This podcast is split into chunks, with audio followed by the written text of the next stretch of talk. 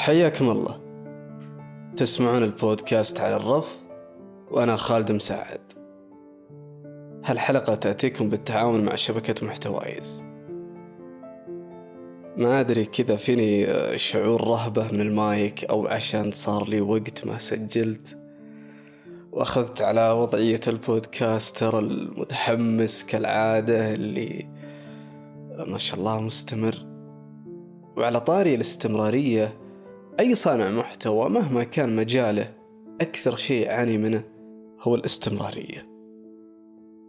لأنك تبدأ في برنامج معين تأخذ وقتك فيه ثم بعدها عاد تجيك ظروف الحياة أحيانا الحماس يقل أحيانا المصادر تكون شحيحة فيه أكثر من اعتبار. لكن اللي يرجع صانع المحتوى ويرجعني شخصيا للشغف وللشيء الجميل اللي إحنا نسويه في صناعة البودكاست هو أنتم. من رسائلكم من ردود أفعالكم من ثنائكم من سؤالكم. إذا تأخرنا ما نزلنا شيء وعتاب علي أنا شخصيا وينكم ما تنزلون إن شاء الله الفترة الجاية راح تكون جدا مميزة. أكون معك صريح دايم من رمضان تقريبا إلى الحج. الثلاث شهور هذه عادة الهمة عندي تكون فوق وتحت فوق وتحت. في جهاد في جهاد عسى الله يعيننا على جهاد النفس. لكن إن شاء الله في تعدي هالفترة ونرجع بإذن الله رجعة قوية وهذا وفي شيء مخطط له بإذن الله يعني من الاستمرارية ومن جودة المواضيع وتنوعها. وشكرا لكم شكرا لكم من الأعماق على كل اللي قدمتوه لنا. على نشركم للبودكاست على كلامكم الطيب عنه عن انتقاداتكم اقتراحاتكم حتى المستمعين الجدد اللي اشتركوا معنا بالشهرين اللي راحوا. شكرا لكم. غمرتونا بكرمكم وسعيدين جدا بتواجدكم. وإن شاء الله أن الجاي مميز. ما أبي أطول في هالمقدمة لكن خطر في بالي أني أسولف عن الإقناع. وكذا أنه ما يكون الطرح أكاديمي. أكاديمي بحت كأنك يعني آه، حاضر دورة أو مادة أخذها بالجامعة. لا كذا ودي أسولف فيها. عن أهمية الإقناع ليش الإقناع مهم فلسفتي الخاصة فيه مبادئه. آه، كيف الواحد يبني الشخصية المقنعة القادرة على الإقناع. آه، عوامل تساعد في نجاح الإقناع. وبعض الأفكار اللي إن شاء الله بتعجبكم.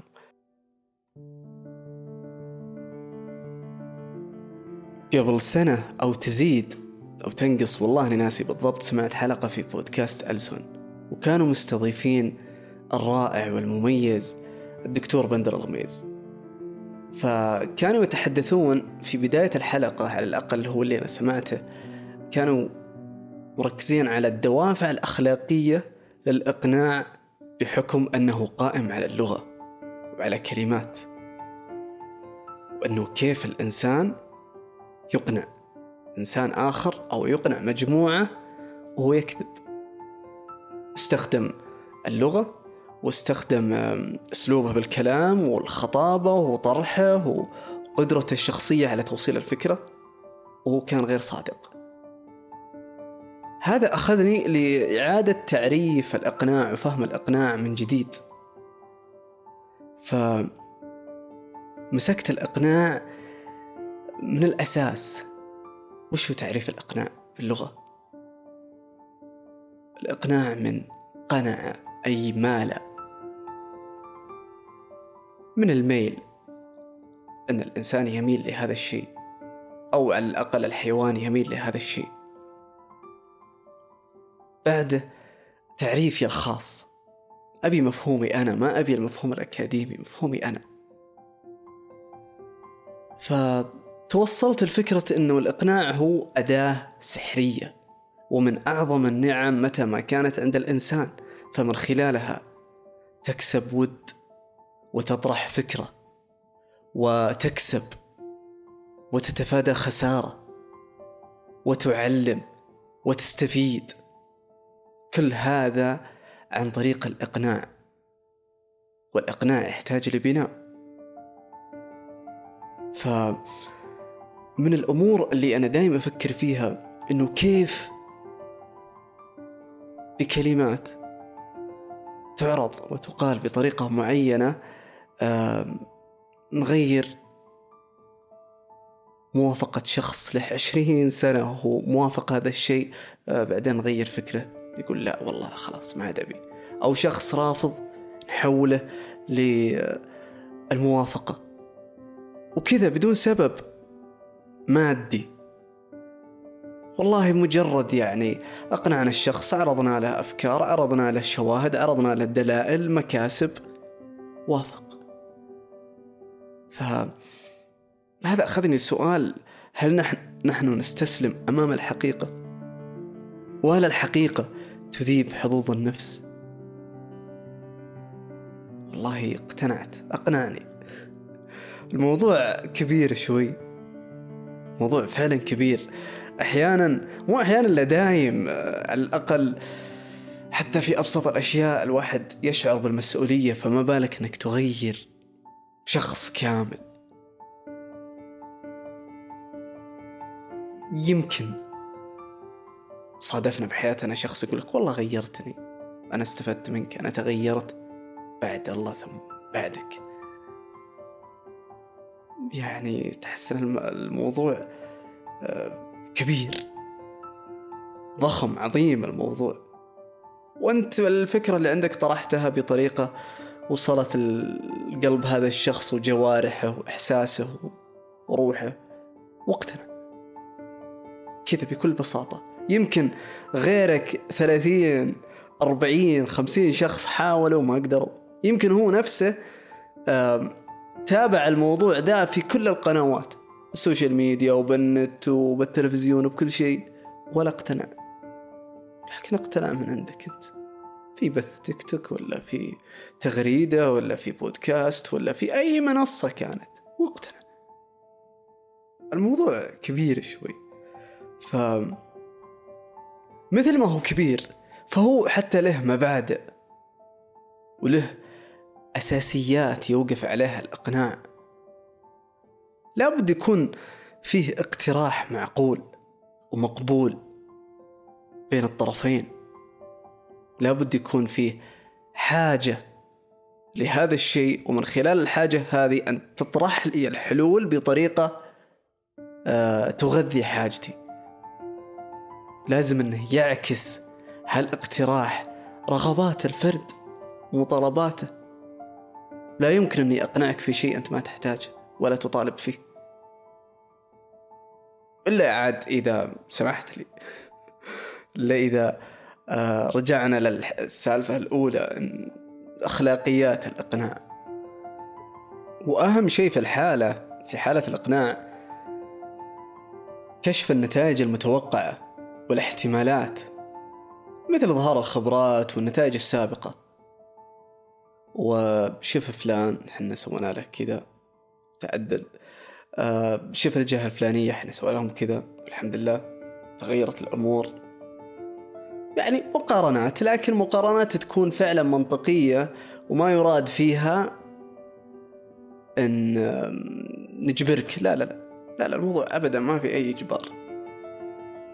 ولازم يكون الشخص مكان ثقة. إذا ما وثقنا في هذا الإنسان لا يمكن أن نستقبل منه أو على الأقل وثقنا في طرحه أو في إقناعه. وأنا عشان أوثق بإقناعك لازم أوثق بالفكرة بالأساس أوثق بدوافعك من الأساس. وفي من المبادئ أن الاقتراح لازم يقدم بالصفة الشخصية. وهذا أعتقد فيه تقارب إنساني كبير أكثر من أن الواحد يتكلم بصفته الاعتبارية أو بمسماه مهما كان المسمى. فيكون في نوع من التقارب يكون فيه نوع من آه، آه، الشعور بالآخر على الأقل كلنا في نفس المستوى على الأقل أنت تبي حاجة من عندي. فانزل شوي نكون في نفس المستوى. اسمح لي يا صديقي أطلع عن الموضوع شوي وبرجع ما راح أطول ثواني. في حال كنت عندك إصابة في السكري سابقة أو مصاب جديد أو تعرف أحد أصيب للتو، أنا متفهم تماما التغيير اللي صار. في حياتك في تغذيتك في نفسيتك في التعايش أو في طريقة التعايش. أنك تتعايش مع السكري هذا عايشته بالكامل.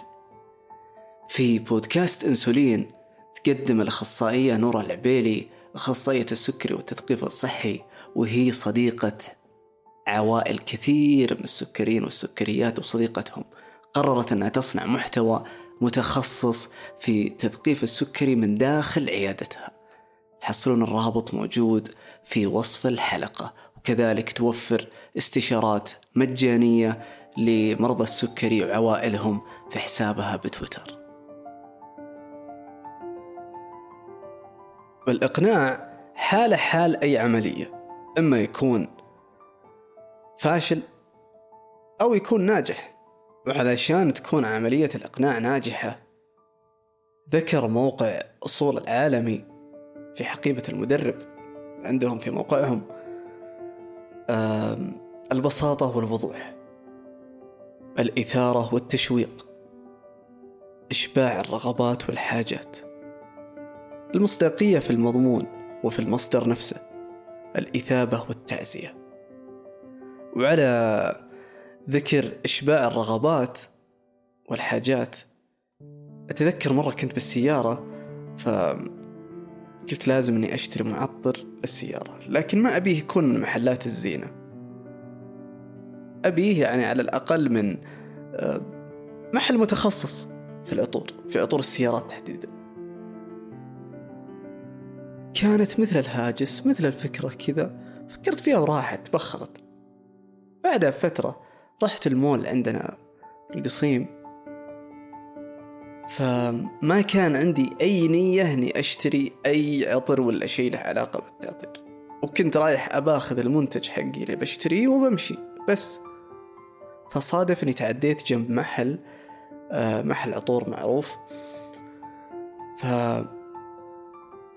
قال لي البايع تفضل وكذا وعطاني عينات. ممتازة وكذا يعطيك العافية. شميته ويعطيك العافية. والله ما عندي رغبة أشتري وكذا. فكنت بمشي.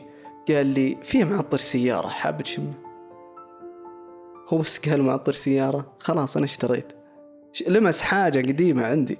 وربط كل الإقناع اللي في ذهني. واشتريت اشتريت معه أربع منتجات. بعدها فكرت يعني بالموقف يعني لو ما قال خذ معطر سيارة والله ما راح أشتري. لو أقنع وش ما أقنع. لكن صادف حاجة عندي. هذا أخذني الموضوع أكثر عمق. أنا كيف أفهم حاجات الناس؟ أعتقد أنها يمكن تكون من كثر الممارسة والفراسة تفهم حاجات الناس. وفي نفس الوقت لاحظت شيء في هذاك الشخص. ما كثر العرض والتسويق والكلام. كلام محدود. ضربني في مقتل اشتريت أربع منتجات ومشيت. وحتى أعتقد أن الكلام الزايد بالتسويق يمكن يكون منفر. أو في الإقناع يمكن يكون منفر. بعض المرات الإقناع يكون من ردة فعل عكسية مغايرة تلمس فيك شيء.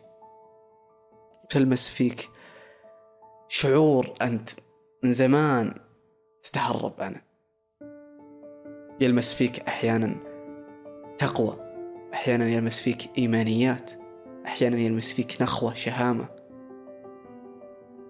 يلمس فيك جوانب ما يغطيها إلا شخص وبطريقة معينة وبكلمات معينة. الإقناع توقف وراه شخصية مقنعة. والشخصية المقنعة هذه قابلة للاكتساب. لو بحثت عن الشخصية المقنعة في جوجل راح تحصل آه، معلومات كثيرة وخطوات كثيرة. ولكن اللي بتسمعه الآن هو الشيء اللي أنا مطبقه على نفسي والشيء اللي أنا أميل له شخصيا بعيدا عن التصنيفات وكثرتها وحتى مدى واقعيتها وجدواها. ونختلف أو نتفق فيها. أول خطوة وهي الأساس الثقة بالنفس. وهذا يأخذني لسؤال كان مسبب لي مشاكل. لأن ما لقيت لي إجابة مقنعة بسيطة أقدر ألتزم فيها. حصلت خطوات فقط. أنا محتاج الفلسفة لقناعة. وهو كيف أكون واثق بنفسي. الإجابة اللي وصلت لها هي بالتجارب. الصغيرة والكبيرة وعلى حسب النتائج سواء كانت التجربة ناجحة أو فاشلة. لكن متى ما كان الإنسان يقف على قمة جبل من التجارب هذا بيوصله لحالة عالية من الثقة بالنفس. يمكن يقول واحد بس طيب وش الفائدة إذا التجارب كلها فاشلة؟ لا ما تكون فاشلة. إذا كانت فاشلة فهي بتعلمك. فعلا بتعلمك بتعطيك أدوات عملية. يعني اليوم أنت لو تبي تسوي أي شيء كان سواء تقني أو أي شيء أي شيء فشلت فيه راح تقول لا أنا فشلت هنا أبعيده عشان أتفادى هذا الشيء. صار عندك تجربتين تجربة ناجحة وفاشلة. فصرت أستاذ وفاهم في هذا الشيء في هذا المجال. فمن هنا تبنى الثقة بالنفس. وبعد الثقة بالنفس. تبدأ الثقة بالإمكانيات الثقة بالمعرفة الثقة بالفكر الثقة باللغة الثقة حتى بالأسلوب الثقة حتى بالنتائج. في الشيء الثاني اللي هو الطبيعة الشخصية بشكل عام. يعني بشكل منطقي متى ما كان الإنسان جميل وجميله روحه يكون الواحد في معنوية عالية. وإيجابي ومحفز ويتصف بالحياة. هنا جميل ما أقصد جميل شكل لا جميل روح جميل معشر لطيف. باختصار يعطي الناس من نفسه. لا يمكن أنك تقنع الآخرين وأنت في معزل عنهم. ومتى ما وثقوا فيك ومتى ما شعروا في فيك كإنسان حقيقي قريب منهم صادق. قدرت تقنعهم ويمكن حتى تأخذ اللي معهم وتكسب مواقفهم بإرادتهم وموافقتهم. كان هذا اللي عندي حول الإقناع ولو أنه كان بشكل بسيط وكان بشكل عفوي أكثر حاب أسمع اللي عندكم وحاب أقرأ تعليقاتكم حول الإقناع وتجاربكم حتى.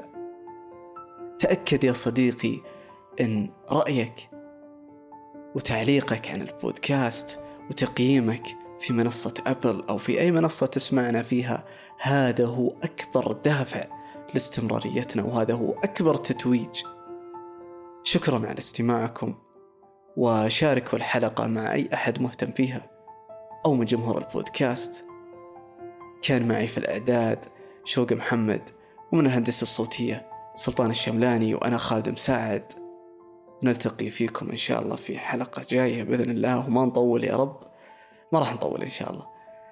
ويومكم طيب وليلتكم سعيدة.